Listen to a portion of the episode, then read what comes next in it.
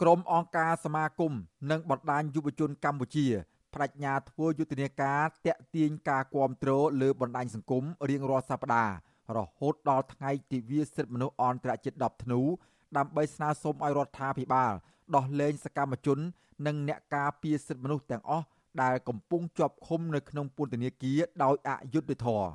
ប្រធានផ្នែកកម្មវិធីស្រាវជ្រាវនិងតស៊ូមតិនៃសមាគមបណ្ដាញយុវជនកម្ពុជា ហៅកាត់ថា CYN លោកហេងកំហុងប្រាប់អាស៊ីសេរីនៅថ្ងៃទី14សីហាថាយុទ្ធនាការក្នុងសប្តាហ៍ទី1នេះកំពុងទទួលបានការគាំទ្រនិងចាប់អារម្មណ៍ខ្លាំងពីសាធារណជនជាតិនិងអន្តរជាតិលោកបន្តថាសម្រាប់យុទ្ធនាការនៅសប្តាហ៍ជាបន្តបន្ទាប់ទៀតក្រុមអង្គការសង្គមស៊ីវិលនឹងនិយាយអំពីសកម្មជន និងអ្នកការពារសិទ្ធិមនុស្សផ្សេងទៀត ដែលសុទ្ធសឹងតែជាប់ឃុំដោយសារតែការអនុវត្តសិទ្ធិបញ្ចេញមតិនិងសិទ្ធិនយោបាយលោកហេងកំហុងរំពឹងថាយុទ្ធនាការនេះនឹងជំរុញឲ្យរដ្ឋាភិបាលទម្លាក់ចោលបទចោទប្រកាន់មិនត្រឹមត្រូវទាំងឡាយនិងដោះលែងពួកគេឲ្យមានសេរីភាពឡើងវិញ។ រំពឹងថានៅទិវាមនុស្ស10ធ្នូខាងមុខនេះយើងនឹងមានការលើកឡើងជារួមដើម្បីជជែកហើយរំពឹងថានឹងមានការដោះស្រាយឬក៏ការផ្ដល់សិទ្ធិសេរីភាពដល់អ្នកជាប់ទោសផ្នែកនយោបាយអ្នកជាប់ទោសមនសិការទាំងអស់នឹងឲ្យមានសិទ្ធិសេរីភាពឡើងវិញដើម្បីចូលរួមជីវភាពសង្គមអភិវឌ្ឍប្រទេសរបស់យើងតទៅមុខទៀត បាទយើងឃើញថាមានការចូលរួមច្រើនពីសាធារណជនទាំងការយកទៅបង្ហោះផ្សព្វផ្សាយបន្តនិងការចុះផ្សាយដោយសារព័ត៌មានក្នុងស្រុកនិងសារព័ត៌មានអន្តរជាតិហើយជាពិសេសទៀតសោតនោះគឺមានការចាប់អារម្មណ៍ពីសំណាក់អ្នករាយការណ៍ពិសេសពីបញ្ហាសិទ្ធិមនុស្សកម្ពុជាផងដែរបាទក្រុមអង្គការសមាគមដែលបានចូលរួមធ្វើយុទ្ធនាការសូមឲ្យដោះលែងសកម្មជន និងអ្នកការពារសិទ្ធិមនុស្សទាំងនេះ មានដូចជា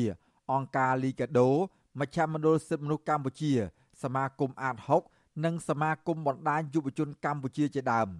ក្រៅពីនេះក៏មានសកម្មជនឯករាជ្យយុវជន និងអ្នកស្រឡាញ់បរិស្ថានជាច្រើនអ្នកផ្សេងទៀតចូលរួមផងដែរសប្តាហ៍ទី1នេះក្រមសង្គមស៊ីវិលទាមទារឲ្យអាជ្ញាធរដោះលែងក្រមយុវជនការពារបរិស្ថាន6នាក់នៃចលនាមេដាធម្មជាតិដែលកំពុងជាប់ឃុំនៅក្នុងពន្ធនាគារក្រោមបទចោទញុះញង់រួមគំនិតក្បត់ និងប្រមាថព្រះមហាក្សត្រ ក្រមសង្គមស៊ីវិលបានបង្ហោះរូបភាពរបស់អ្នកការពារបរិស្ថានទាំង6រូបរួមមាន លោកថនរដ្ឋាកញ្ញាលងគុន្ធា កញ្ញាភួនកៅរស្មី កញ្ញាសុនរដ្ឋាលោកយឹមលៀងហ៊ីនិងយុវជនលីច័ន្ទតារាវុធនៅលើបណ្ដាញសង្គម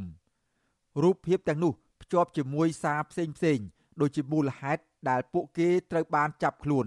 ចំនួនថ្ងៃជាប់ឃុំ និងសំណួរផ្សេងផ្សេងចំពោះការចោទប្រកាន់លើពួកគេ អ្នកប្រើប្រាស់បណ្ដាញសង្គម Facebook ជាច្រើន បានចូលរួមគាំទ្រនិងចែកចាយរូបភាពទាំងនេះលោកហេងកំហុងឲ្យដឹងថាការធ្វើយុទ្ធនាការមកទល់នឹងពេលនេះមិនទាន់មានបញ្ហាប្រឈមណាមួយជាក់លាក់ជាមួយនឹងអាជ្ញាធររដ្ឋាភិបាលនៅឡើយទេប៉ុន្តែមានមន្ត្រីជាន់ខ្ពស់រដ្ឋាភិបាលមួយចំនួន បានចោទសួរថាយុទ្ធនាការនេះជាការដាក់សម្ពាធលើតុលាការមន្ត្រីសង្គមស៊ីវិលរូបនេះអះអាងថាយុទ្ធនាការនេះ គឺជាការតស៊ូមតិដោយសន្តិវិធី និងស្របតាមច្បាប់ ដើម្បីស្នើសុំឲ្យដោះលែងយុវជនដែលជាប់ឃុំដោយសារតែការអនុវត្តសិទ្ធិសេរីភាពរបស់ខ្លួនដែលធានាដោយច្បាប់ជាតិនិងអន្តរជាតិ ខ្ញុំចង់ឃើញសង្គមមួយដែលមានការរស់នៅប្រកបដោយសុខដុមរមនាមានការផ្ដល់ឱកាសឲ្យយុវជនដែលជាសកម្មជនបរិស្ថានសកម្មជនទុនធានធម្មជាតិសកម្មជននយោបាយក៏ដូចជាសកម្មជនយុវជនផ្សេងសេរីភាពពេញលេញក្នុងការចូលរួមសេរីភាពបញ្ចេញមតិរបស់ខ្លួនជាពិសេសការអនុវត្តសិទ្ធិស្របជាមួយនឹងច្បាប់ការចូលរួមរបស់យុវជនស្របតាមបញ្ញត្តិនៃច្បាប់មិនមែនជាពិរុទ្ធភាពដែលត្រូវធ្វើការចាត់ប្រកាន់ឬក៏ឃុំខ្លួននៅក្នុងពន្ធនាគារទេបាទទន្ទឹមនឹងការធ្វើយុទ្ធនាការនេះនៅថ្ងៃទី16ខែសីហាខាងមុខ សាលាធររាជធានីភ្នំពេញនឹងបើកសវនាការលើបណ្ដឹងសុំនៅក្រៅឃុំបណ្ដោះអាសន្នរបស់យុវជនការពីបរិស្ថាន3រូបទៀតគឺលោកយឹមលឹងហ៊ីយុវជនលីច័ន្ទតារាវុធនិងកញ្ញាសុនរដ្ឋាម្ដាយរបស់យុវជនលីច័ន្ទតារាវុធថ្លែងថា លោកស្រីត្រេកអរដែលក្រមសង្គមស៊ីវិលជឿជាក់លើភាពស្អាតស្អំរបស់យុវជនការពីបរិស្ថាននិងធ្វើយុទ្ធនាការស្នើសុំឲ្យដោះលែងពួកគេជាបន្តបន្ទាប់ លោកស្រីអំពាវនាវឲ្យរដ្ឋាភិបាល ជាពិសេសតុលាការជាន់ខ្ពស់ទម្លាក់ចោលការចោទប្រកាន់និងប្រគល់សេរីភាពជូនកូនប្រុសលោកស្រី និងយុវជនការពីបរិស្ថានផ្សេងទៀត ពាក់ព័ន្ធនឹងថ្ងៃ16ហ្នឹងខ្ញុំសង្ឃឹមថាតុលាការនឹងអ្នកចោលបទចោលឲ្យផ្ដល់សេរីភាពឲ្យគាត់បានមករស់នៅដូចធម្មតាវិញធ្វើការធម្មតាវិញហើយគួរតែជួយលើកទឹកចិត្តពួកគាត់ពួកពួកគាត់ហ្នឹងចំណាយពេលវេលាសម្រាប់សង្គមគាត់គាត់បានចំណាយពេលវេលាដើម្បីសេចក្តីសុខខ្លួនគាត់ផងគាត់ចំណាយសេចក្តីសុខខ្លួនគាត់ដើម្បីសង្គមអញ្ចឹងគួរតែផ្ដល់កិត្តិយសនិងសេរីឲ្យពួកគាត់វិញដើម្បីគាត់មករៀនមកធម្មតាវិញអញ្ចឹងណាជុំវិញរឿងនេះ វិទ្យុអាស៊ីសេរីនៅពុំទាន់អាចសុំការឆ្លើយតបពីប្រធានអង្គភិបអ្នកណែនាំពាក្យរដ្ឋាភិបាលលោកផៃស៊ីផាន និងអ្នកណែនាំពាក្យក្រសួងយុទ្ធភ័ពលោកជិនម៉ាលីនបានទេដោយទូរស័ព្ទចូលតែពុំមានអ្នកទទួលទោះយ៉ាងណាសមាជិកនិងជាអ្នកណែនាំពាក្យគណៈកម្មាធិការសិទ្ធិមនុស្សរបស់រដ្ឋាភិបាល លោកកតាអនប្រាប់បទសុអាស៊ីសេរីកាលពីថ្ងៃទី11សីហាថាយុទ្ធនាការនេះគឺជាសិទ្ធិរបស់ក្រមសង្គមស៊ីវិលប៉ុន្តែលោកថាយុទ្ធនាការនេះ នឹងគ្មានប្រសិទ្ធភាពនោះទេព្រោះសំណុំរឿងនេះកំពុងស្ថិតនៅក្នុងដៃតុលាការជុំវិញរឿងនេះប្រធានសមាគមការពារសិទ្ធិមនុស្សអាត6លោកនីសុខា មានប្រសាសន៍ថាការចាប់ឃុំខ្លួនអ្នកធ្វើការដើម្បីបបផហេតុសិទ្ធិមនុស្សជាហោហែមកនេះមិនមែនជាការអនុវត្តច្បាប់នោះទេ លោកយល់ថាករណីនេះពាក់ព័ន្ធនឹងរឿងនយោបាយច្រើនជាងព្រោះរដ្ឋាភិបាលនៅតែព្រួយបារម្ភខ្លាចមានចលនាងើបឡើងតវ៉ាប្រឆាំង ក្រោយរំលាយគណៈបកសង្គ្រោះជាតិលោកបន្តថាក្រមសង្គមស៊ីវិលរួមគ្នាធ្វើយុទ្ធនាការនេះឡើង ដោយសារមើលឃើញថា